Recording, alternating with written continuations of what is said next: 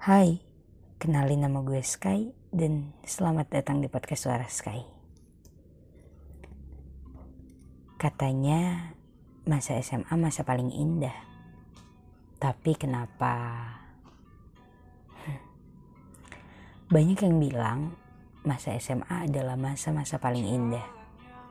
Masa di mana perubahan-perubahan besar terjadi pada makhluk bernama manusia. Ada yang menemukan jalannya dengan cepat, namun ada juga yang lama tersesat dalam labirin mencari jati diri itu. Kisah kasih asmara di masa SMA juga menjadi cerita favorit saat reuni tua nanti. Masa-masa mencoba segala hal yang terlihat menyenangkan dan masih banyak lagi. Jika ada yang bilang masa SMA adalah masa paling indah, aku setuju. Tapi kenapa hanya sebentar? Bukankah ini terlalu singkat? Maksudku, aku masih ingin bermain sebentar di perbatasan ini. Bermain lebih lama lagi. Di perbatasan antara aku si anak kecil yang akan beranjak dewasa. Kenapa cepat sekali? Aku masih ingin pura-pura bodoh dengan hidup yang ternyata tak semudah bayanganku dahulu saat belum mengerti apa-apa. Aku masih ingin menangis dengan alasan tak mendapatkan coklat favoritku. Bukan menangis dengan alasan orang-orang dewasa itu. Berat. Rasanya aku masih belum mampu. Kan?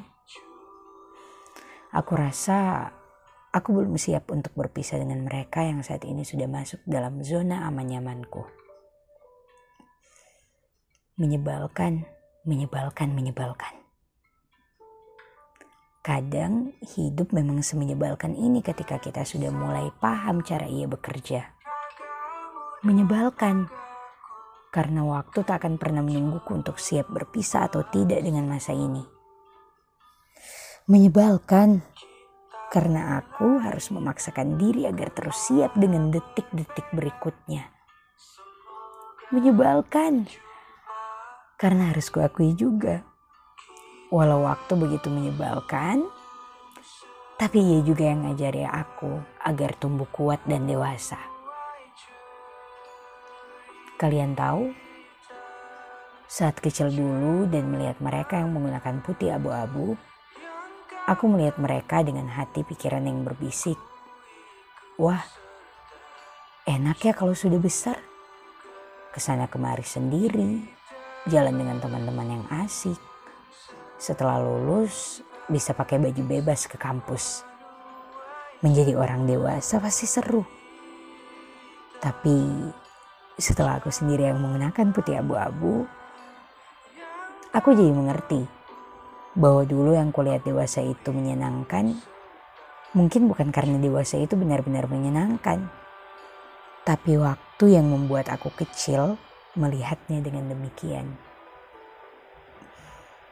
Paragraf terakhir dalam tulisan ini, aku hanya ingin mengatakan, kita akan berpisah, berlari ke arah yang berbeda. Entah ke mana kakiku dan kakimu akan berhenti, aku tak ingin lupakan masa ini. Walau akan ada perih dari rindu yang kurasa, biar saja. Perih rindunya akan kubawa ke mana pun aku berlari. Kuharap kalian juga begitu. Terima kasih sudah menjadi bagian dari masa SMA aku. Kuucapkan terima kasih juga pada semesta yang pertemukan kita di titik koordinat yang sama ini. Bahagia dan sehat selalu ya, kawan-kawan masa SMA. Masa yang paling indah.